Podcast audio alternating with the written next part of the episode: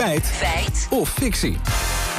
En Lieke die gaat vandaag over paracetamol en India. Ja, want in de Volkskrant van vandaag staat er verhaal van journalist Mark Peperkorn over dat Brussel export van technologie aan banden wil leggen om de Europese economie te beschermen. Hij schrijft: ook voor iets simpels als paracetamol is de EU op de rest van de wereld en dan met name India aangewezen. Oké, dus Europa is wat betreft paracetamol dan afhankelijk van andere delen van de wereld, voornamelijk van India. Ja, dat zijn we gaan uitzoeken. We spraken eerst met Jan Hermans van Boging, dat is een belangenorganisatie van medicijnen en fabrikanten.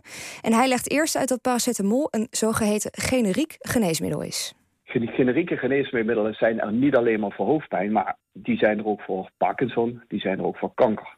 Wat, wat hebben ze gemeen? Ze hebben gemeen dat ze niet meer onder patent zijn en daardoor spotgoedkoop zijn in Nederland. Ze kosten, u moet dan denken aan ongeveer 1,25 euro per maand. Ja, hij vertelde ook waar de productie van paracetamol plaatsvindt. Wat je ziet is dat om die lage prijzen te kunnen garanderen in, Nederland, dat een heel groot deel van de productie is verplaatst naar lage lonenlanden. En dan moet je vooral denken aan China en aan, aan, aan India. En dat is nu niet alleen vanuit Europa zo, maar ook de Verenigde Staten halen bijna al hun geneesmiddelen uit die landen. Oké, dus de productie van paracetamol is ooit verplaatst naar lage loonlanden. Hoe zit dat nu? René Klaassen van Teva Nederland, dat is eh, de grootste producent en leverancier van generieke geneesmiddelen in Nederland, legt uit dat daar wel verandering in is gekomen. Wij, um, het merendeel van de paracetamoltabletten die wij in Nederland uh, op de markt brengen, wordt in Duitsland geproduceerd bij een van onze leveranciers. En uh, slechts een heel klein deel laten we nog produceren in India. Oké, dus het tablet paracetamol is in ieder geval door Teva minder Nederland, uh, Teva Nederland minder in India geproduceerd, zo zeg ik het goed. Ja, precies. Ja, maar waar Europa de grootste, zeg maar de grondstof paracetamol vandaan haalt, dat is dan wel weer een heel ander verhaal. Leg Marloes Dankers, apotheker bij het Instituut Verantwoord Medicijnengebruik ons uit.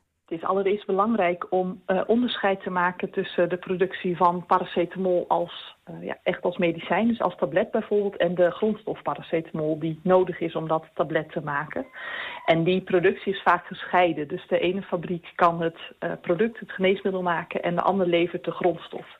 En wat we de laatste jaren zien is dat er op steeds meer plekken het product gemaakt kan worden, ook in Europa.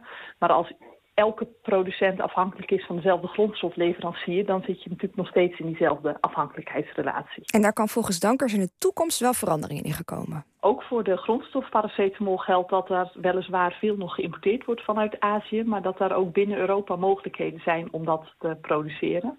Daar wordt nu mogelijkerwijs nog relatief weinig gebruik van gemaakt omdat het uh, duurder is. Maar je hebt dus kans dat juist als deze maatregel vanuit Europa doorgaat, dat fabrikanten van de paracetamol als uh, product juist weer sneller de Europese fabrikanten van de grondstof ook zullen gaan gebruiken. Dus de mogelijkheid is er wel degelijk om ook binnen Europa zowel de grondstof als het product paracetamol te produceren.